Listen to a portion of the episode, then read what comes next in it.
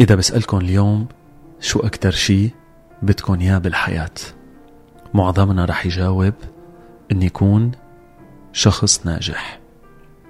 دايما عيون الناس بتتوجه نحو الأشخاص الناجحين بأي مجال كانوا سواء بمجال العمل بزنس فن رياضة. دايما الأشخاص الناجحين بيسرقوا الاهتمام ودايما الناس بتطلع على هالأشخاص. بتاخدهم ببعض الأحيان قدوة لإلهم. ببعض الأحيان بتحسدهم. ببعض الأحيان يمكن بتلوم الدنيا لأنه نحن ما قدرنا نكون مثلهم. النجاح شيء كتير حلو بالحياة. بس هل هالنجاح هو اللي بيلاقي طريقه لإلنا؟ أم نحن لازم نشتغل على حالنا لحتى نوصل للنجاح؟ النجاح ممكن يكون نجاح بالعمل بناء عيلة علاقة حب مصاري تفوق بالدراسة شهادة بغض النظر شو هو النجاح بيضله دايما شي حلو بالحياة. وبغض النظر عن الظروف وعن الوقت اللي منعيش فيه. في أمور إذا اتبعناها بنقدر نكون أشخاص ناجحين. أهلا وسهلا فيكم ببودكاست كمشة حكي. معي أنا لويس. اليوم رح نحكي عن موضوع النجاح ورح نحاول نختصر الكثير من العوامل والكثير من الظروف بثلاث نقاط أساسية ممكن تساعدنا لحتى نكون أكثر نجاحا أو نكون أشخاص ناجحين بأي مجال وين ما كنا عايشين وقد ما كان عمرنا. نقدر فعلا نوصل إلى النجاح ونحصد أيضا السعادة اللي ممكن الواحد ياخدها لما يكون إنسان ناجح.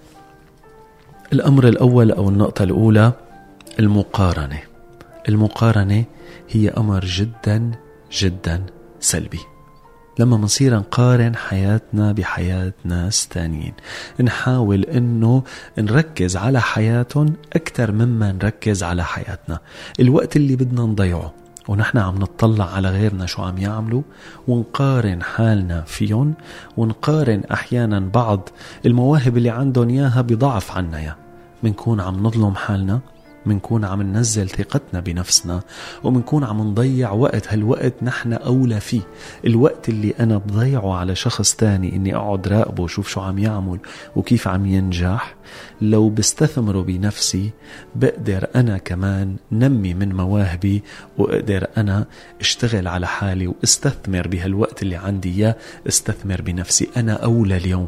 المقارنة هي سبب أساسي لتخلينا ما نشتغل على حالنا هي سبب أساسي للتردد بحياتنا هي سبب أساسي اللي بتخلينا نعيش بكتير من الأحيان خيبات أمل ونعتبر أنه الدنيا عم تظلمنا. اليوم نبتعد عن المقارنة قد ما بنقدر. المقارنة ما بتخلينا نتقدم بالحياة. تخيلوا حالكم اليوم بسباق. عم نركض بهالسباق وفي معنا عشر أشخاص تانيين عم يركضوا.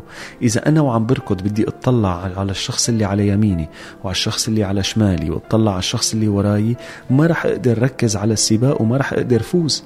الأشخاص اللي بيربحوا الماراثون أو بيربحوا السباق هن الأشخاص اللي بيكونوا مركزين على خط النهاية.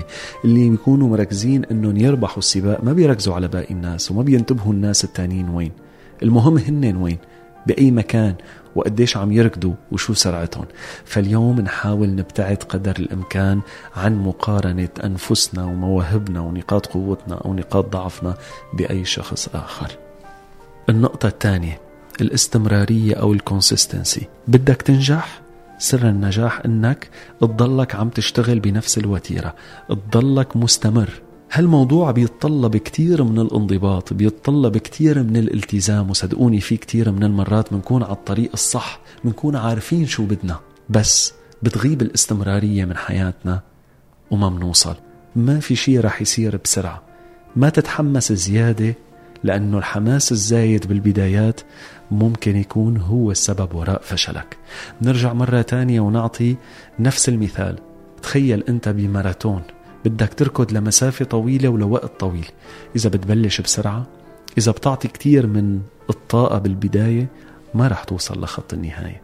وحدهم الأشخاص اللي بيعرفوا قديش المسار طويل وقديش الوقت والجهد والطاقة اللي لازم يحطوها ليوصلوا لخط النهاية لأنه بيكونوا مركزين على على خط النهاية.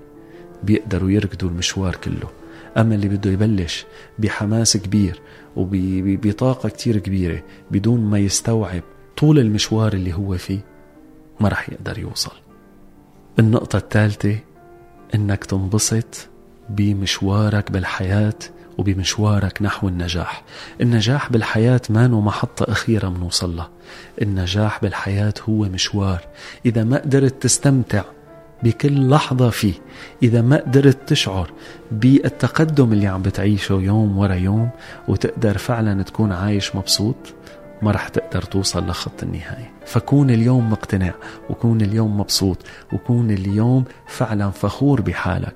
وخلي ثقتك بحالك تزيد كل يوم عن يوم. وكل يوم حس حالك إنك عم توصل خطوة للهدف اللي بدك توصل له. وتذكر دائما إنه الأشخاص الناجحين بالحياة بيطلعوا على النجاح. أما الأشخاص الفاشلين بالحياة بيطلعوا على الناجحين وبيلوموا حظهم لأنه هن ما قدروا يوصلوا وبيلوموا الدنيا وبيلوموا الناس اللي من حولهم ويمكن آخر شيء بيتذكروا إنهم يلوموا حالهم. الناجحين هن اللي بيخلوا حياتهم أحلى. الفاشلين هن اللي بيخلوا حياتهم أحلك. اليوم بإيدك أنت تقرر إذا بدك حياتك تكون أحلى أو حياتك تكون أحلك. خود اليوم القرار أنك تكون إنسان ناجح بالحياة. ما تقارن حالك بحدا والوقت اللي بتقضيه لتقارن حالك بالناس استثمره بحالك. والوقت اللي بتقضيه لتقارن نفسك بالناس أنت الأولى إنك تستثمر هالوقت لمصلحتك. شغلة تانية الاستمرارية.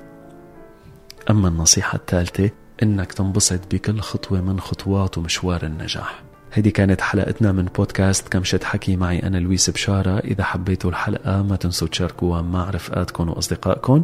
أنا برجع بلتقي فيكم بحلقة جديدة. تحياتي لكم.